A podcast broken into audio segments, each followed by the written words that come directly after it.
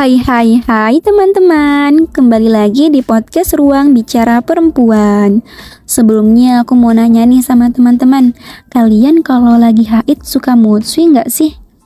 Hmm, kalau aku iya nih, kadang suka tiba-tiba marah, tiba-tiba senang, tiba-tiba sedih, tiba-tiba cinta datang kepadaku. Eh, seri-seri malah nyanyi.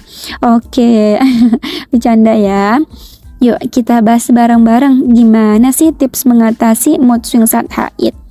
Nah, sebelum masuk ke tips, kita ketahui dulu nih penyebab dari terjadinya mood swing saat haid itu karena apa ya? Teman-teman udah pada tahu belum?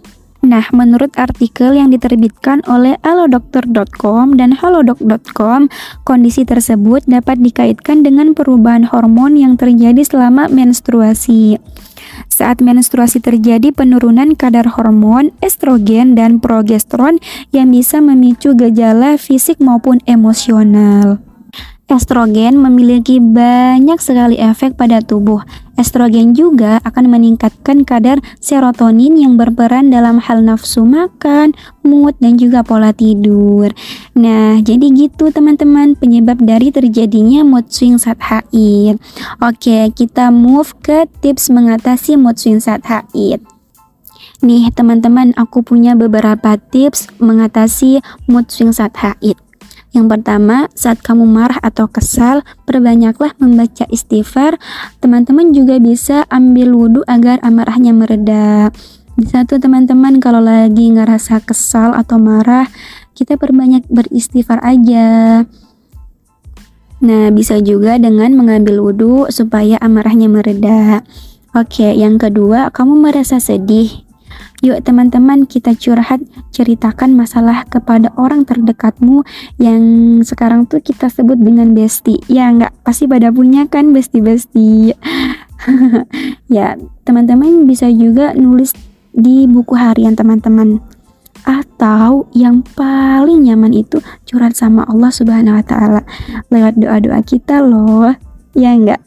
Teman-teman pernah kan ya kalau lagi ngerasa sedih terus nggak tahu mau cerita ke siapa.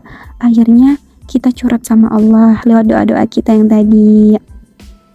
Teman-teman banyakin doa ya kalau lagi sedih. Dijamin nanti hatinya jauh lebih tenang dan mudah tersenyum. Lanjut yang ketiga apa kamu sedang gelisah? Mungkin lagi overthinking teman-teman bisa tuh dengerin murotal ayat suci Al-Quran di gadgetnya masing-masing.